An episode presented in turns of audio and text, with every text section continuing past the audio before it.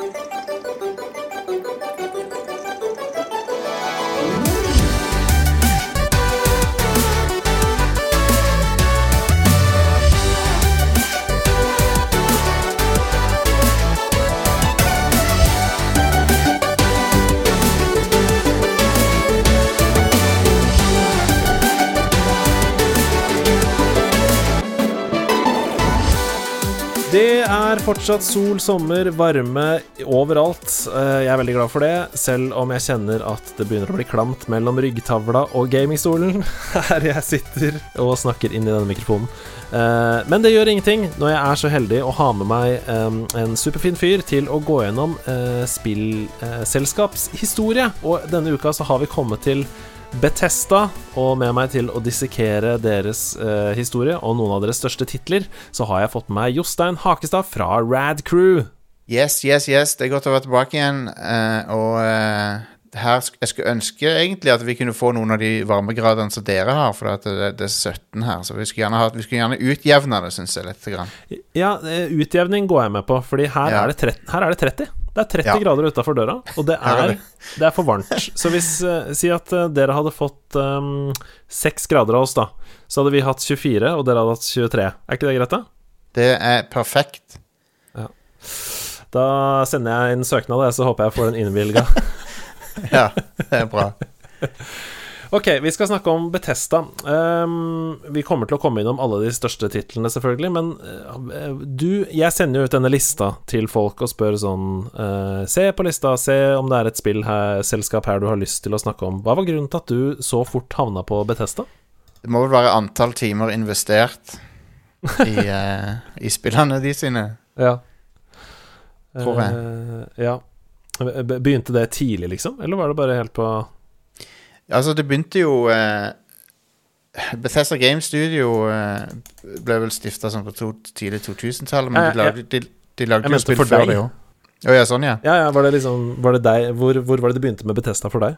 Ja, for meg så begynte det før det, nemlig. For eh, jeg spilte jo eh, Jeg spilte jo spill som eh, Terminator, Terminator Future Shock og sånn. Ja. Som, som var noe, noe av det første som han Todd Howard jobba på, tror jeg. Mm. Eh, så jeg spilte før de var liksom Bethesda som vi kjenner de nå. Ja. Åh, dette er deilig. Eh, Jeg merker allerede at dette kommer til å bli en fin episode, så jeg tenker at vi bare kjører i gang eh, med starten av historien, og så får du bare kaste deg på når du kjenner at det rykker i Mhm. Hva heter det? Den der, Hva heter den kjertelen som henger bak i gapet? Jeg vet ikke, jeg husker Jeg, er ikke helt sikker. Den, ja, den, er- nå, må jeg, nå må jeg faktisk finne ut av den. Nå skal jeg google det mens vi er her. munnhulen. ja. Ehm, Er det drøvelen du tenker på? Ja, drøvelen! Når det rykker i drøvelen. da får du si fra. Ja. Ok, Bethesda Softworks, som vi da eh, skal snakke om i dag, det ble grunnlagt av Christopher Weaver i, eh, naturlig nok, det er ikke alle som vet dette, Bethesda i Maryland. ja. Eh, det er en by, rett og slett, eller et tettsted, eh, og det skjedde i 1986. Og Bethesda eh, Softworks starta som en avdeling av Media Technology Limited, som rett og slett bare var et ingeniørforsknings- og liksom utviklingsfirma, som da han Christopher Weaver var grunnlegger og CEO for. Um, og Christopher han oppretta Bethesda Quote for å se om PC-markedet var et levedyktig sted å utvikle spill. Eh, og det er jo gøy. Det var rett og slett bare en forlengelse av liksom utviklingsfirma uh, for å se er det, er det noe marked her, etc. Um, Han hadde da i utgangspunktet tenkt å gi selskapet navnet bare Softworks Uh, i seg selv, men det navnet var allerede tatt, så da gjorde han som så mange andre geniale før seg, bare la på stedsnavnet. Og så kom han seg unna med det. Uh, Betesta Softworks, da, istedenfor Softworks. Yep. Uh, og de er altså kreditert Det første eh, spillet som de er på en måte kreditert med, det er eh, også det første fysikkbaserte sportssimuleringsspillet, som het Grid Iron. I, eh, det kom i 1986, og det kom til Atari ST, til Commodore Amiga og til Commodore 64 slash 128. Ja. Husker du eh, noe fra Grid Iron? Ikke annet enn at det er amerikansk fotball. Jeg har ikke, Om jeg har spilt det, så er det ikke mye, men uh, det er i hvert fall uh, jeg, jeg vet om det, det gjør jeg. Jeg tror ikke det er veldig mange som har spilt det. I hvert fall ikke mange av de som hører på denne podcasten her. Uh, jeg kan avsløre at Wikipedia-artikkelen er én setning. Ja. Det, det står det 'Gridiron is an arcade game about football by Bethesda Softworks'. Det er det som står. Eh, Så står det litt om gameplay, én setning om det òg, og én setning om hvordan det ble tatt imot. Eh, men det er liksom Det er et spill hvor du lister opp ulike liksom Altså, det er amerikansk fotball. Det bruker eh, NFL datadisk eh, for å få eh, statistikk på alle spillerne og sånn. Og så setter du opp f.eks. lag 1 mot lag 2. Eh, så kan du velge om lag 2 skal være computer eller en eh, ekte person. Og så skal man da, ved å bruke liksom playbook som man har i amerikansk fotball, velge ut hva de forskjellige lagene skal gjøre for å vinne, da. Altså det er, det er sportssimulering, sånn som football manager, liksom. Bare at det er amerikansk fotball. Det ser veldig tørt ut. Ja, eh, og de fikk også kritikk for at det ikke var så bra grafikk som man hadde vent seg til på Commodore. Nei, det er jo ikke det. Det er jo veldig kjedelig utseende på det. Er rart at de begynte her, eller? Eh, Ja. Virker som veldig sånn bro-ting å gjøre. Sånn, ok, dette er en fyr som starter et eh, firma for å se om PC-markedet, om det er noe å hente der. Og det første spillet er sånn amerikansk fotball. Altså det er sånn Skal være så safe som bare det, da. Ja, ja, det er jo det. Men eh, det er jo mange spillselskaper som har endra veldig sånn identitet over tid. Og Mm. Naut- Naughty Dog er jo et annet eksempel. Ja, det er et veldig godt eksempel.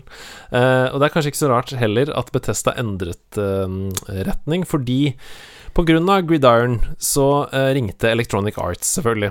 Eh, EA de satt og jobba med det første Madden-spillet, som har eh, mange av de samme kvalitetene til Gridiron. Eh, og da eh, hyret da Betesta til å hjelpe dem med å utvikle Madden. Eh, og med i den avtalen der, med i pakka, så fikk de da distribusjonsrettigheter for fremtidige versjoner av Gridiron. Eh, men året etter, etter at de hadde med hjulpet til med Madden i et år, og det fortsatt ikke hadde kommet noen ny versjon av Gridiron på tvers av alle konsollene, som da eksisterte, så eh, reiv Betesta rett og slett i stykker kontrakten, stoppa arbeidet med prosjektet og saksøkte EA for 7,3 millioner dollar. Eh, Wow. Som er ganske mye på den tiden. Og grunnlaget for det søksmålet, det er at de hevder at EA saboterer Gridiron og sakker utgivelsen helt med vilje, fordi de eh, stjeler elementer fra det spillet og putter det inn i Madden. Eh, det er ganske heftig, da. Ja, ja, ja, det er jo det. Um, Bethesda, så vidt jeg vet, så har de vært litt sånn saksøkings-happy av og til. Um, det er så gøy at du sier det, for det er nemlig den røde tråden i hele denne episoden. ja, ja, ja.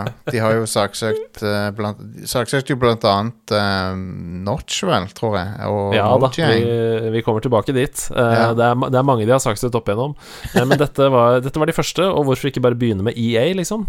Ja, absolutt. Men EA var litt, var litt sånn der eh, Hva skal vi si Ikke kjeltringer, men de, var, de drev med litt sånn shady ting av og til på den tida. For de, blant annet så ville de ikke betale lisens for å gi ut ting på Megadrive, sånn at de, de tok og reverse-enginera uh, kassett Eller cartridgene til Sega Megadrive. Å fy, å fy, å fy. Ja. Wow, det er helt krise å gjøre. Men eh, ok, ingenting overrasker meg med EA. Jeg, jeg, jeg kan si det høyt, for jeg har ikke noe plan om å begynne å jobbe der. Så Nei, samme her. Ok, eh, men denne saken Altså, EA eh, innrømte jo egentlig i praksis litt skyld her, fordi saken ble løst utenfor retten, eh, som det står. Så det var et slags forlik der, hvor, hvor Betesta fikk noen penger i sin retning. Det er, alltid, det er alltid litt skuffende når det ender i forlik for oss, for at hver gang det faktisk går til retten, så kommer det så mye juicy detaljer. Ja, Og så blir det liksom en vinner og en taper. ja, det Eh, òg, ikke minst. Og det ønsker vi oss selvfølgelig alltid. Ja, ja. Mm. I 1990 så pakker Betesta Bethesda sakene sine og flytter rett og slett fra Bethesda til Rockville i Maryland. Eh, fortsatt i samme stat, eh, og de blir da utvilsomt best tjent, mener jeg, for sitt neste store prosjekt, nemlig videospillserien The Elder Scrolls.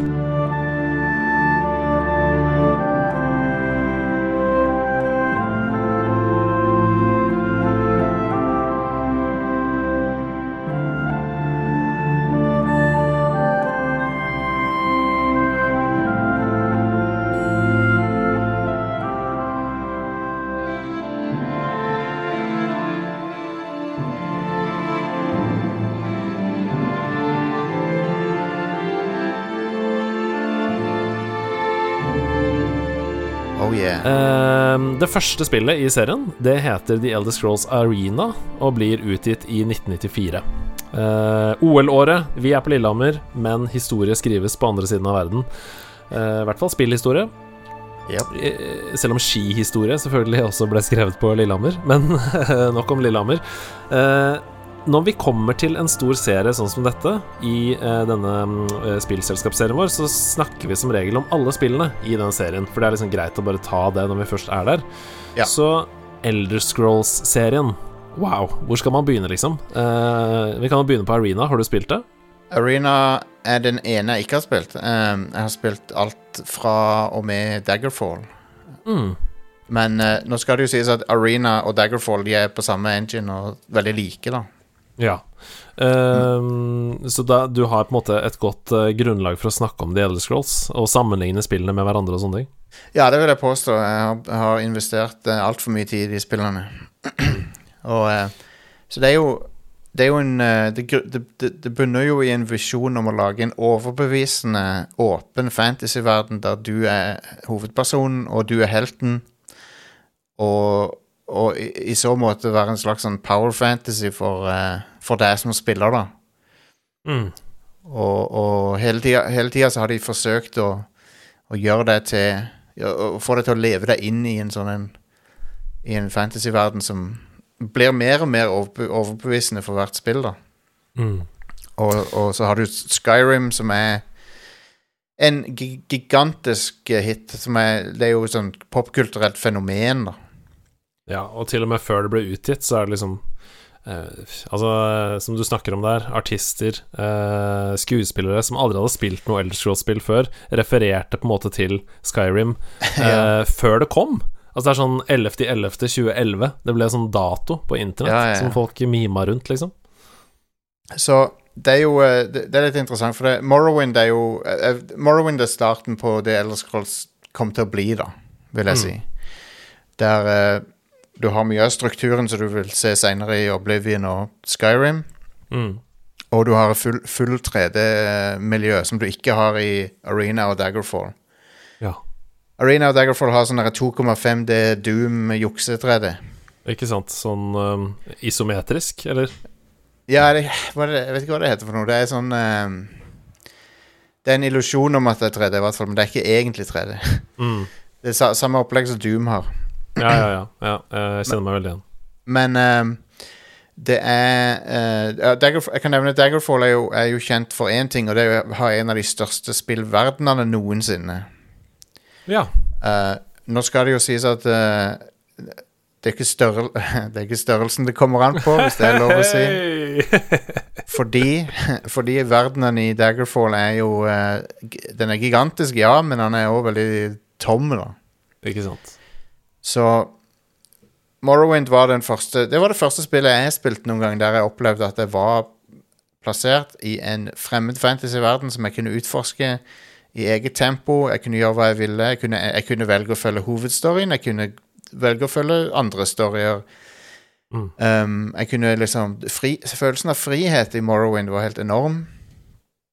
Um, jeg spilte det på, først på Xbox, så på PC. Men så kom Oblivion, og, og jeg vil påstå at det var med Oblivion at serien tok av litt, grann, fordi Og jeg, mange har jo spekulert i hvorfor, men jeg, jeg er en av de som stiller meg bak den teorien om at det slo an fordi det var så lite å spille på Xbox 360 når det kom ut. Ja, det er en god teori. For det, det var i lanseringsvinduet til Xbox 360, og så var det sånn Hei, hva er dette for noe? Et stort fantasy-RPG, liksom. Det sjekker vi ut. Det var også mer tilgjengelig enn Morrowind. Det var Eh, både historiefortellingsmessig, men også karakterene, og at det var eh, mer realistiske personer. Eh, det, det er gøy å, å si, og så google eh, bilder fra Oblivion. Eh, Ja. Men det var mer sånn Ja, det var lettere å leve seg inn i, da. Lettere å føle at man øh, eksisterte i den verden. Syns jeg, da, i hvert fall, personlig. Ja, enig. Det var en veldig immersive, i mangel, Mm. mangel på et norsk ord, eh, verden. Og eh, Ja, nei, det var veldig overbevisende, veldig vakker verden. eh, som i, I dag så ser det jo veldig Ja, ser det litt komisk ut til tider. Mm, mm. Men for, for 17 år siden så var det jo Eller 15, jeg husker ikke helt hvor, hvor gammelt det er. Men eh, da var det utrolig imponerende. Og krevde top of the line PC eller Xbox 360. Mm. Og da er det jo ikke rart da at uh, lista lå ekstremt høyt, uh, og folk hadde enorme forventninger til Skyrim, som kom i 2011. Uh, Ja. Er det det du har flest timer i av de spillene? Jeg tror det. Jeg tror nok Skyrim er det jeg har mest i. Mm. Um, Har du fullført det liksom flere ganger med ulike karakterer og sånn? Jeg, har rundet, jeg har vel runda hovedstoryen én gang bare, men så er det jo så mye annet du kan finne på der. Mm.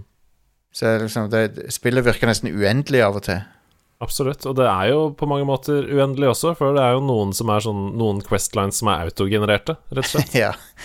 ja, jeg kan skjønne hvorfor de gjorde det, men de er ikke så veldig spennende, de questene der, da. På ingen som Eh, helst måte. Det er gå til A, hent eh, ting X, kom tilbake til A. Nei, Ja. B, mener jeg.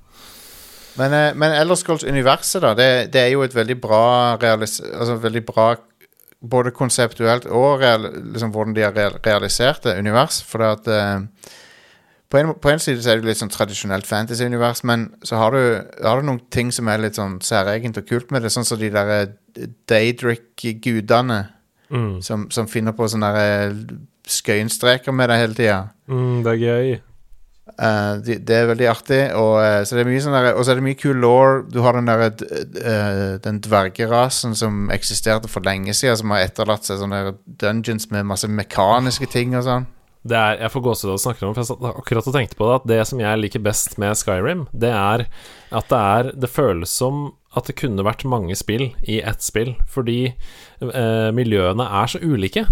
Ehm, så for eksempel den steampunk-verdenen som du snakker om nå, uh, Ja, ja. den dverge, dvergegreia Når du kommer inn der, så får du helt sånn herre Jeg mister helt pustene av å gå rundt i de områdene. Uh, for det første fordi Falmer er noe av det skumleste jeg vet om i hele verden. Ja. Og for det andre fordi det varierer liksom mellom disse steampunk-maskinene som ser helt sånn uh, mint condition ut. De slipper ut Ja, de ser helt For en teknologi. Det ser nesten alien ut. Eh, kombinert med liksom store, åpne huler, hvor du plutselig kommer til den der store å, underverden, som er sånne, hvor det er sånne lysende sopper som vokser og sånn. Det er helt Absolutt. magisk. Og så har jeg lurt litt på Eller jeg syns det er så fascinerende at de den, den rasen med dverger, de, de bare forsvant, og så er det ingen som vet hvorfor de forsvant. Ingen som vet. Ingen som vet. Eh, så er det sånn kom, Var det fordi de fant opp teknologi som liksom tok de til det neste planet, kanskje? Noe sånt noe? Jeg håper vi får svar på det i The Elder Scrolls 6. Det hadde vært veldig kult. Og så, så er det en ting til som jeg syns er kult med designet av Elder Scrolls, og det er jo De har jo Mange vil jo si at kanskje Nå er det jo kanskje Breath of the Wild som har tatt trona når det gjelder open world design, da, men jeg vil si Skyrim før det var kongen av det, etter min mening, da. Mm. Men det som jeg liker med Bethesda sin måte å designe open world-spill på, er at uh, hvis du har vært i Disneyland, eller hvis du har vært i uh, en annen theme park av den typen, så er det designa litt på samme måte. Uh, for det, det er litt sånn Geografien er litt, gjort litt mer kompakt enn det den ville vært, så du har liksom Du har eh, åpne områder, men så har du sånne mellom Så har du de tettstedene i, i Skyrim, eksempel. Det er akkurat som et, et nytt område i en theme park, da. Det er så ulik stemning der.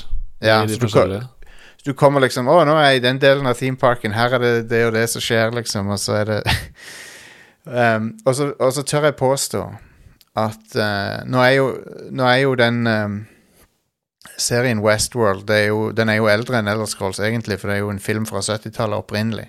Mm. Men, men jeg syns måten de hadde realisert Westworld i den HBO-serien, det må være inspirert av Bethesda sine spill. Det. Det er nødt til å være det. Det er helt enig. Det har jeg aldri tenkt over, men det er en kjempegod uh, sammenligning. Det er jeg helt enig. i. Ja, for der har du liksom sånne NPC-er som kommer, kommer og gir deg quests og sånn, liksom. Så det føltes veldig som at de har spilt Skyrim, da. Nei, eh, det er eh, veldig ofte jeg tar meg i å tenke på at jeg skulle ønske jeg var i Markarth, eller i Windhelm, eller Ja. i The College of Winterhold. For det er liksom Det er ulike steder som jeg føler at jeg har levd, og som jeg føler Ja, ja. at har en helt egen eh, stemning, eh, og, og som De finnes. Altså, de stedene finnes. Men kan jeg kaste et spørsmål din vei her? For det Hva er det som gjør at Skyrim var som sånn ild i tørt gress som, som liksom På en eller annen måte så traff de rett tid rett, liksom rett tidspunkt og, og rett type spill, eller jeg vet ikke Hva er det som gjorde at akkurat dette tok av, liksom?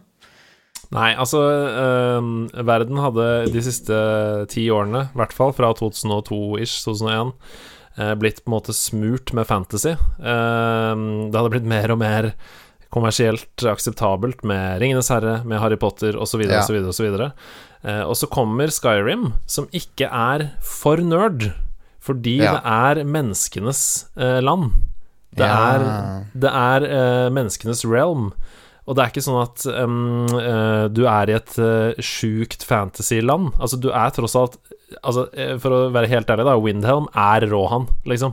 Altså, Det er det, det. det helt likt! Det er helt likt. Så det er sånn um, Det som skjer der, er at du blir sluppet som uh, et menneske, hvis du velger det, da, uh, Bretton for eksempel, eller Nord, uh, inn i en verden som har magiske elementer i seg. Det er ikke det at det er en kjempemagisk verden, Fordi da er det nok mange som ikke er så inne i spill, som Ja. hadde skrudd av.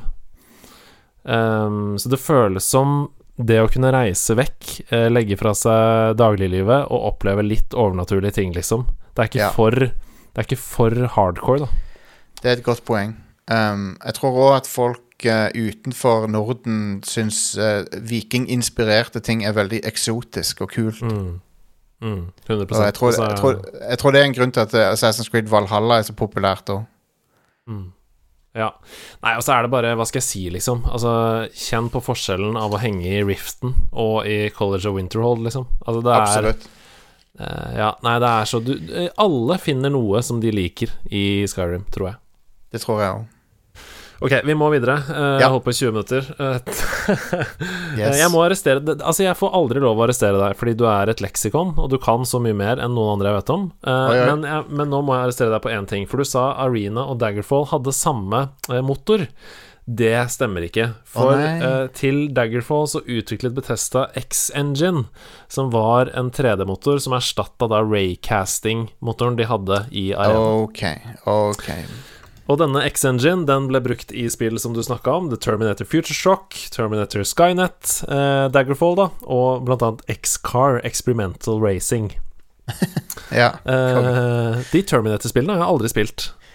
De jo, du, du ser jo litt av det der Bethesda-DNA-et i dem. Um, det som seinere skulle bli det vi kjenner Bethesda for. Så, Mm. Og de jo De var av, tek, teknologisk avanserte for sin tid, da. Ja. ja Det nei, det, er, det liksom, er det bare skytespill, eller er det bare Ja, det, det er skytespill med litt narrativ. Ja, skjønner. Ja, Vi skal ikke dvele ved Terminator-spillene, vi skal heller hoppe til 97 og i 98, hvor Bethesda gir ut eh, to spin-offs eh, fra The Elder Scrolls som er basert på den samme koden til Daggerfall, nemlig da Battlespire og Red Guard. Ja. Eh, ingen av disse spillene har eh, noe suksess i det hele tatt. Um, og nedgangen i spillsalget var ikke begrenset til bare The Elder Scrolls-franchisen, og på dette tidspunktet så er Bethesda veldig, veldig nære å slå seg konkurs. Eh, som et resultat av disse spillene. Tenk på det. altså det, Ja. det, det, var, det var oppe i styrerommet som et reelt alternativ eh, Ja, rundt så- denne tiden. Det hadde jo Ja, spillandskapet hadde jo sett helt annerledes ut, ut i dag hvis det hadde skjedd. Mm. Ja, du sa det jo selv. Det kan godt hende at vi ikke hadde hatt Breath of the Wild, eksempel. Ja, faktisk. Ja, det, absolutt. Mm. For de, har, de har jo vært De har vært liksom eh, de, Sjangerdefinerende for uh, verdensspill, så Mm. Nei, man får liksom gåsehud på ryggen når man, når man ser det. Um, men jeg føler at det er mange Det er mange sånne historier i denne serien når vi går gjennom, hvor selskaper har vært helt på randen, liksom. Og så har Ja. de gitt det én sjanse til, og så har det snudd. Mm. Um, Nintendo var jo også veldig langt nede på den tiden hvor de holdt på med Love Hotels og Taxi og sånn. Uh, det, men det snudde der òg. ja. Ok, eh, 1999. eh, Styret har bestemt seg for å fortsette, og ansetter Pete Hines eh, for å lede markedsavdelingen. Eh, på den tiden så sier Pete Hines selv i et intervju at han Jeg driver et one man band i denne avdelingen. Ved starten av Pete Hines sin ansettelse så har Betesta rundt 15 ansatte. Wow. Um, og i 1999, parallelt med den ansettelsen, så danner da altså Christopher Weaver, som starta hele selskapet, sammen med Robert Altman, et morselskap for Betesta Softworks, og det er kjent i dag som Zenimax Media. Stemmer. Eh, I et intervju med Edge så beskriver han da Zenimax som en administrativ struktur på toppnivå, eh, og ikke et morselskap, som mange sa da. Eh, eller spekulerte, i hvert fall. da Og han forklarer, for å utdype det litt, så sier han Betesta har ingen egen regnskapsavdeling, ingen økonomi, ingen juridisk enhet. Vår juridiske avdeling og økonomisk, økonomisk avdeling er Zenimax. Vi opererer alle som én enhet. Bare Ja. sånn for å, for å roe folk da om at det var ikke to selskaper. Det var ikke som at Zenimax skulle begynne å kreve masse av Betesta. Eh, Ja, det var eh, ett selskap, på en måte. Riktig. Og da eh, tar det bare et par år før Betesta Game Studios blir etablert som et eget selskap. Um, og med det så endrer da Betesta Softworks seg til å kun være publisering for Zenimax Media sine andre studioer.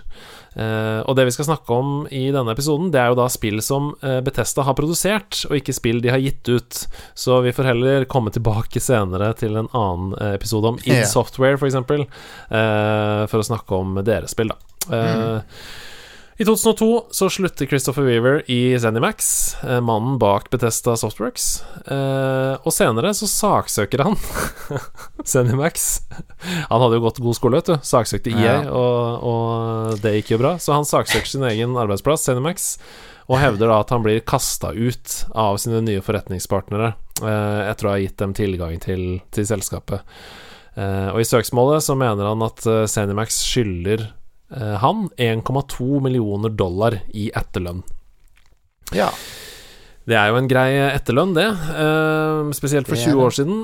Uh, Zenimax selv da De hevder da at eh, Weaver eh, har opptredd eh, uforsvarlig, og at han har gått gjennom e-posten til de andre ansatte for å finne bevis eh, for at på en måte eh, han er kasta ut av selskapet. Eh, og at det ikke er greit, for han kunne ikke ha visst om dette hvis han ikke hadde uh, skanna gjennom e-posten til de andre ansatte. Wow. uh, Så derfor så går de til motsøksmål mot Weaver, hele selskapet. Um, men som så mange andre ganger før, så rydder de selvfølgelig opp utenfor retten. Weaver Ja. forblir uh, kjempestor aksjonær i selskapet, og i år 2007, fem år etterpå, så eier han fortsatt en tredjedel av Sanimax, altså 33 av aksjene. Jøss. Det visste jeg ikke. Og hvorfor stopper jeg opp ved 2007, eh, det året hvor han fortsatt eier en tredjedel? Jo, fordi i 2007 blir Fallout kjøpt opp av Betesta Softworks fra Interplay Entertainment. Eh, og utviklingen av Fallout 3 blir da overlevert til Betesta Game Studios.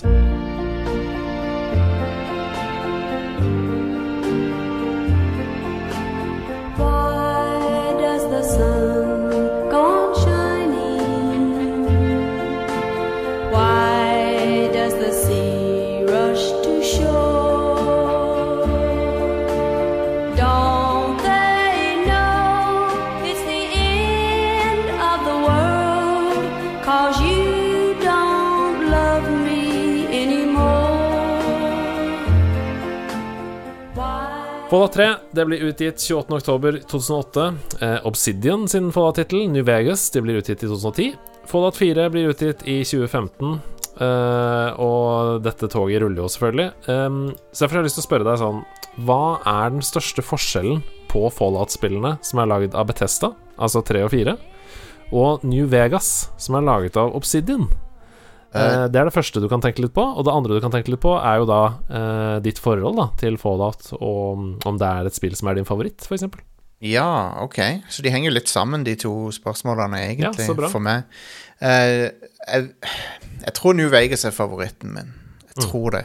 Mm. Her. Eh, og måten det skiller seg ut på, er jo uh, blir tydelig ganske fort, for at New Vegas har mye Det er mye mer fokus på, på rollefigurer og story i det, uh, syns jeg. Og og, og, og kvalitets eh, questlines da, som har mye sånn Ja, det, det, det er mye Det er mye innhold i questene, da, og veldig bra quester. Veldig fengslende sånne storylines, enten du følger hovedstoryen eller sidequestene.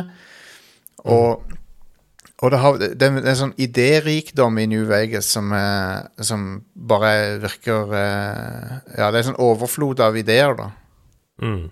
syns jeg, i det spillet. Og, og så liker jeg den karakteren du er i New Vegas, der du, du er basically en sånn eh, En sånn lone eh, ranger som går i, i ørkenen og løser problemene til folk. Jeg syns det er veldig kult. Mm. Og uh, Mojave Desert er kanskje ikke det mest sexy stedet. Nei, sånn Og- IRL? Eller? Nei, sånn, sånn uh, i spillet. Eh, det, er liksom, det, det er ikke så veldig pent sted å Mm. utforske, men Nei, det er brunt, ja.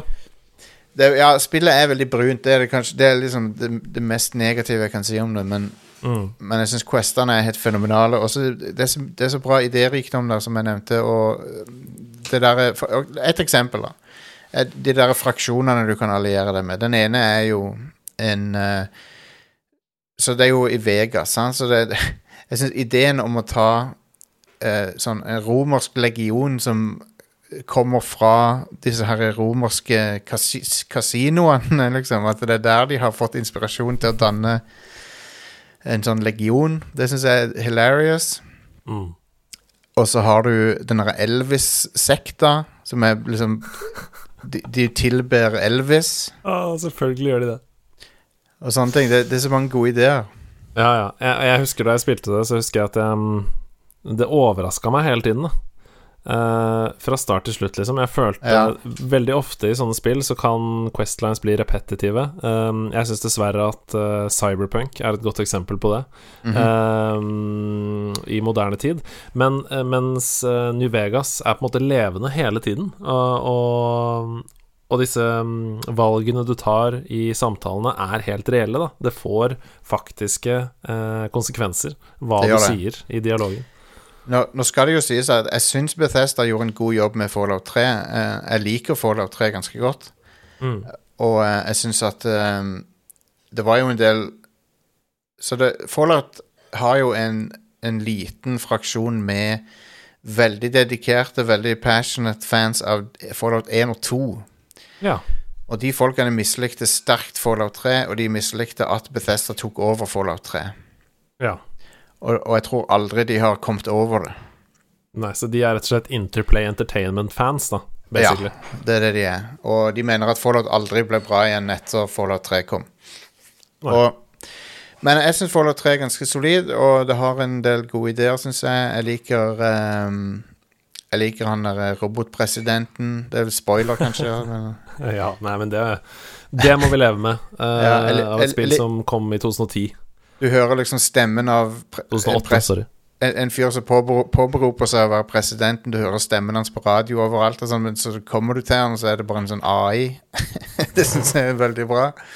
Det er en kommentar ass, som har stått seg helt ekstremt. Altså Hvis du tenker Ja. på den tiden vi lever i nå, liksom, med, med fake news og ikke minst deepfakes og sånn. Eh, Ja, ja, det er sant, det. Det er liksom 13 år forut for sin tid.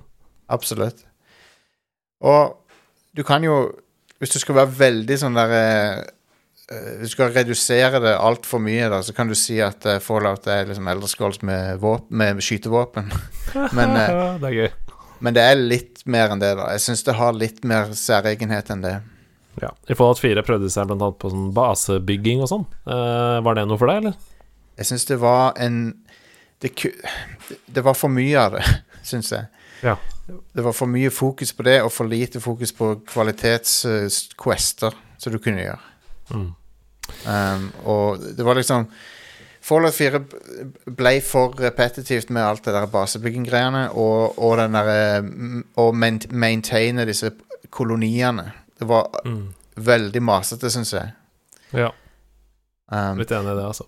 Men, det var, men igjen, så i Fallout 4 så gjorde de kule ting med radio og sånn. Det var det, en, av de, en av de tingene som jeg syns var veldig kult, det var mysteriet med den her eh, klassiske radio Klassisk musikk-radiostasjonen. Mm. For den, den kan du høre på gjennom hele spillet inntil et visst punkt der du oppdager hva den klassiske radiostasjonen egentlig er for noe. Og den, den, den er jo et maskerende signal for noe annet. Mm. Og det syns jeg var veldig kult. Ja, det er mange sånne gode ideer der. Eh, og som sagt, det føles litt eh, ja, Hidio Kojimask å, eh, å ta fremtiden eh, på kornet. Eh, Ja, ja. Så de har spådd noen ting som kanskje viser seg å stemme en eller annen gang. La oss ikke håpe at vi våkner opp i et, eh, en fallout shelter en gang eh, må kan, rekolonisere jorda. Ja. kan, kan du forklare meg en ting? For det, Fallout er jo det må, Fallout må være satt i en, i en alternativ virkelighet enn vår, sant? For at uh, de har 50-talls estetikk, men, men verden gikk under sånn 50 år fra nå. ja. Så det, må, jo- det kan ikke være vårt univers, sant? Det må Ja, være Det er sant. Det For er den- sant. For de har jo Og så har ting gått i en litt annen retning, tror jeg. For de har jo sånne eh, CRT-monitorer og, og, ja. og jet, jetdrevne biler og sånn, så det må det, Men det er liksom fram i tid fra der vi er, så det må jo være litt ja, Nei, det virker som de har plukka litt av estetikk som de syns er fet, uh, og bare latt det være videre. Og så, selv om teknologien har utvikla seg, så har på en måte TV-en stått stille fordi markedet har bestemt at eh, CRT var det de ønska seg. Nok om den teorien. Um, I september 2009 så saksøker nemlig Betesta Interplay Entertainment um, etter at de har vært misfornøyd med Interplay sitt utvikling av et Fallout MMO. Uh, det het Project eh, V13 uh, på bakrommet, og så het det Fallout Online um, i virkeligheten. Og det ble det også hetende. Betesta slutta å finansiere prosjektet. Uh, Interplay ble tvunget til å forlate arbeidet med det, selv etter at massene på en måte hadde fått vite om det. da De hadde fått muligheten til å signe opp for nyhetsbrev og, og betatesting og sånne ting. Eh, men det ble altså kansellert. Hadde du digga et Fallout-MMO? Og før du sier noe, kolon, så kommer vi tilbake til Fallout 76 senere. Om jeg hadde digga et Fallout MMO Ja. Um, Det er jo potensial der, vil jeg si. Men Ja. MMO Men litt av appellen for meg med Fallout og, og Elder Scrolls er at jeg får servert en skreddersydd verden som, som på en måte der jeg er hovedpersonen og helten, og, og at det er litt sånn egotripp, de spillene. Og det, Mm. det er det jeg liker med det, er at det er en verden laga bare for meg. ja. Så det er eksempel The Division. Det er jo på en måte det nærmeste man kommer et Fallout-MMO, kanskje. Ja, det er Og kanskje det. det- Og det, det blir fort litt sånn upersonlig. Um, Division er veldig kult spill, sånn sett, da, men jeg, men jeg lever meg ikke inn i Division-universet. Nei. Så Nei, enig. Uh, vi hopper videre, vi. Uh, I 20, ja, 24. juni 29, 2009 så kjøper uh, Cinemax Edia id Software, som vi var litt inne på tidligere. Og da får de jo selvfølgelig med Rage og Doom osv. Uh, på kjøpet. Uh, og de blir nå fra nå av gitt ut av Betesta Softworks. Mm, skal høre mer om de spillene i id Software-episoden, som jeg sa tidligere. Her i Betesta-land så er vi nemlig mer opptatt av søksmål. Eh, I 2011 så saksøker Betesta en ny gigant, nemlig Mojang eh, og Notch, da, produsenten av Minecraft, som du var inne på. Eh, nettopp fordi de bruker Scrolls som navnet på et nytt digitalt kortspill. Eh, og det blir selvfølgelig altfor nær The Elder Scrolls, som er varemerket uh, til Betesta. Uh, dette spillet, Scrolls, det ender opp med å hete Callers Bane, eh, og blir sluppet gratis som et eh, kortspill. ja. Det er jo eh, Forlengelsen hm?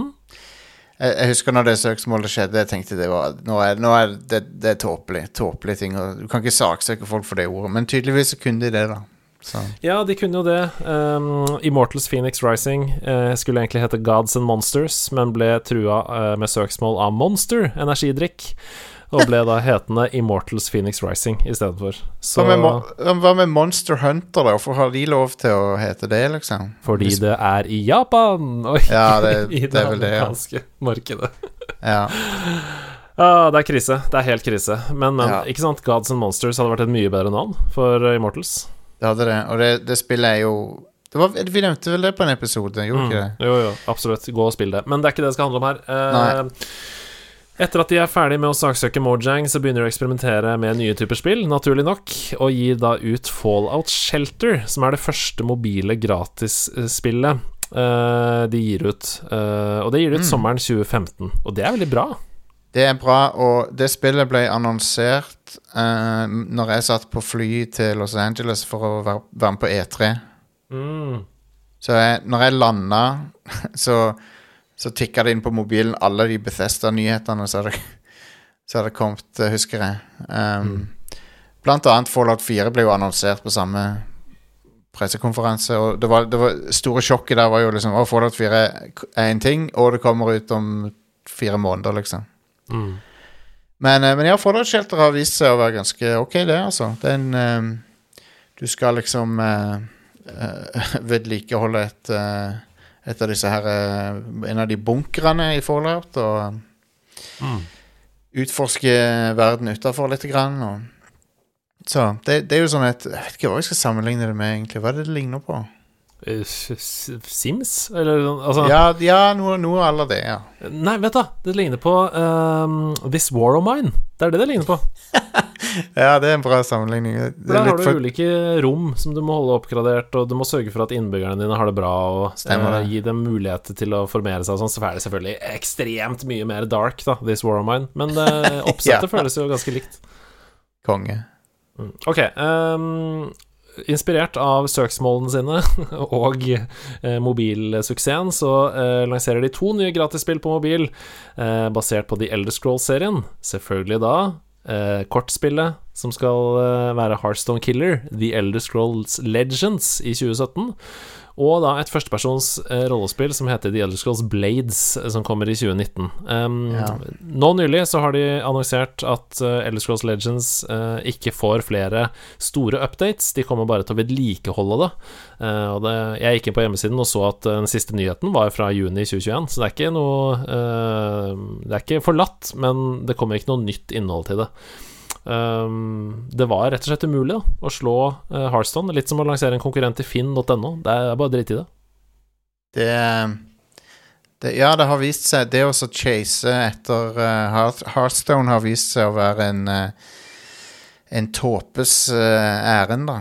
Um, Samme World of Warcraft, MMO. Uh, det er fortsatt, uh, det, er fortsatt um, det spillet man spiller hvis man spiller MMO.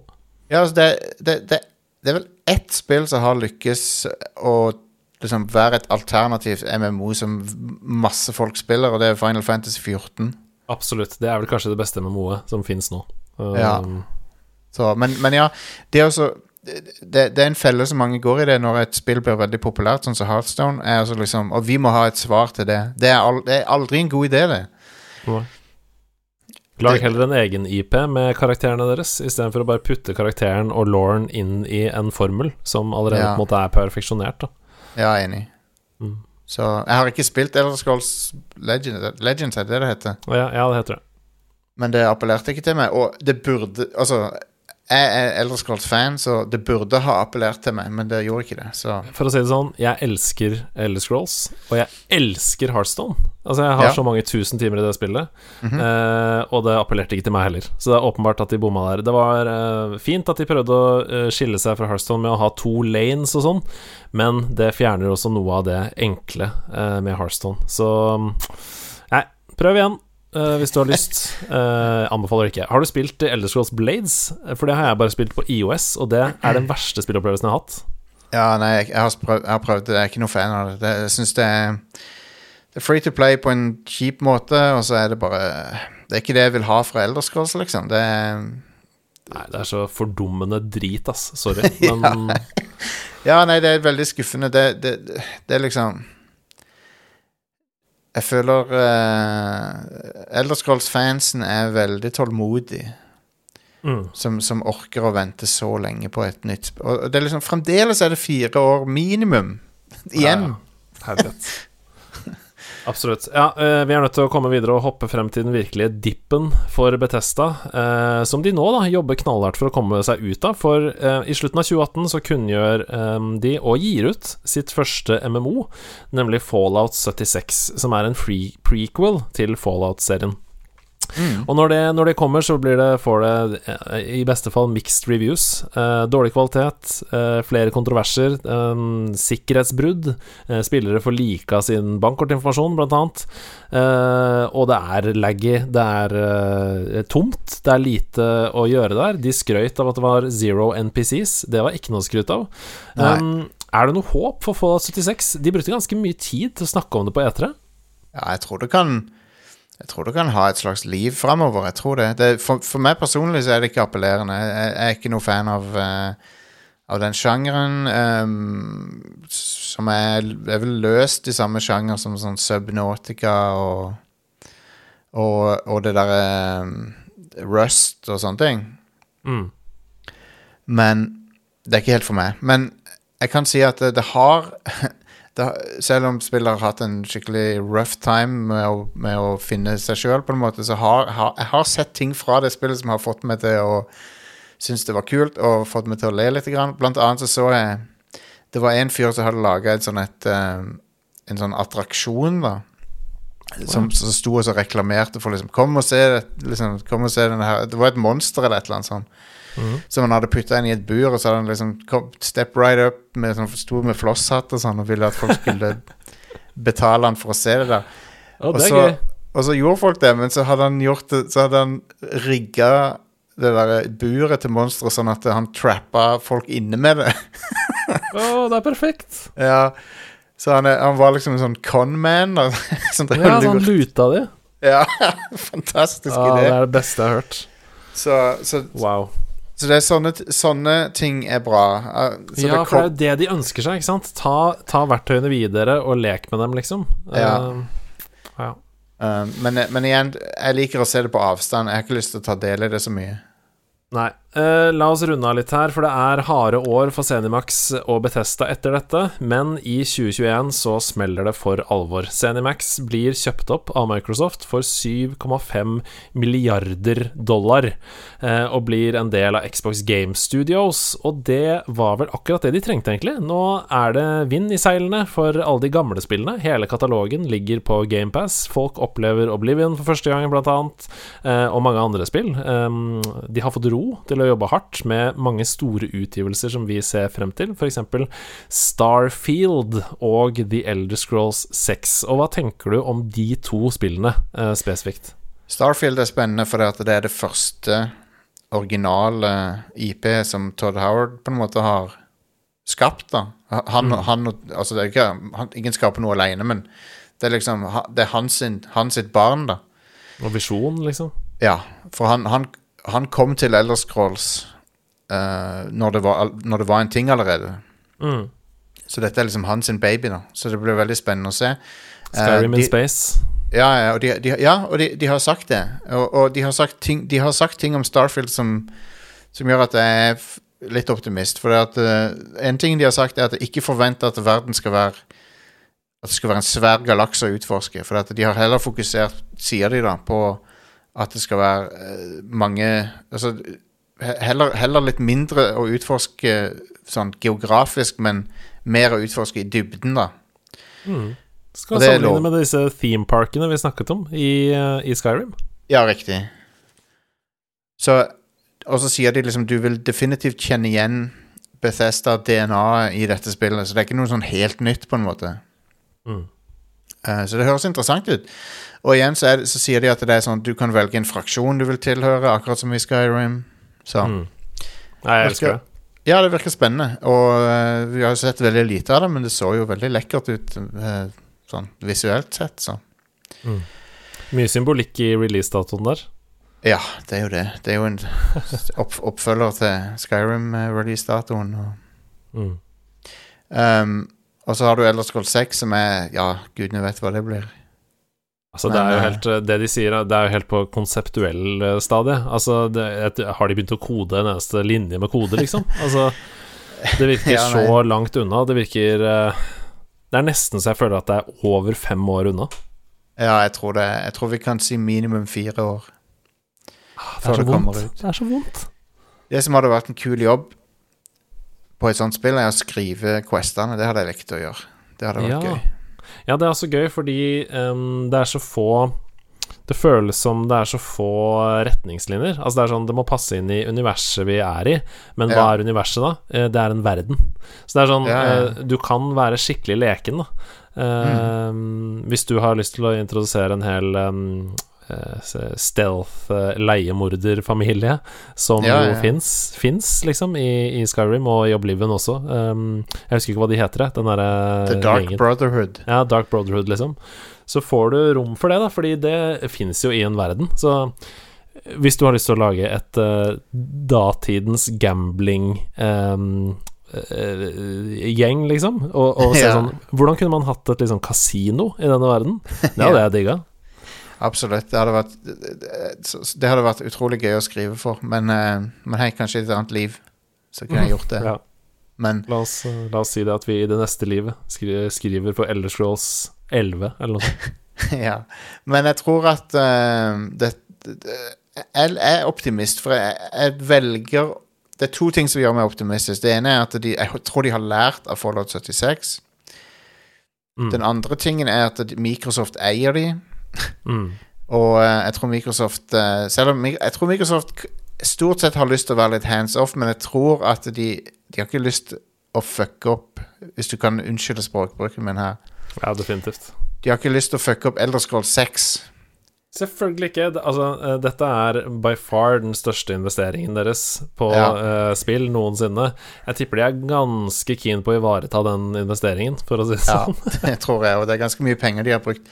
Og så, det jo, så har det jo vært mye sånn spekulasjon om Blir det Xbox eksklusivt nå, eller kommer det på PS5? Men jeg tror vi, jeg tror vi har fått et ganske definitivt svar, svar på at eh, det, det blir ikke PlayStation framover. Mm.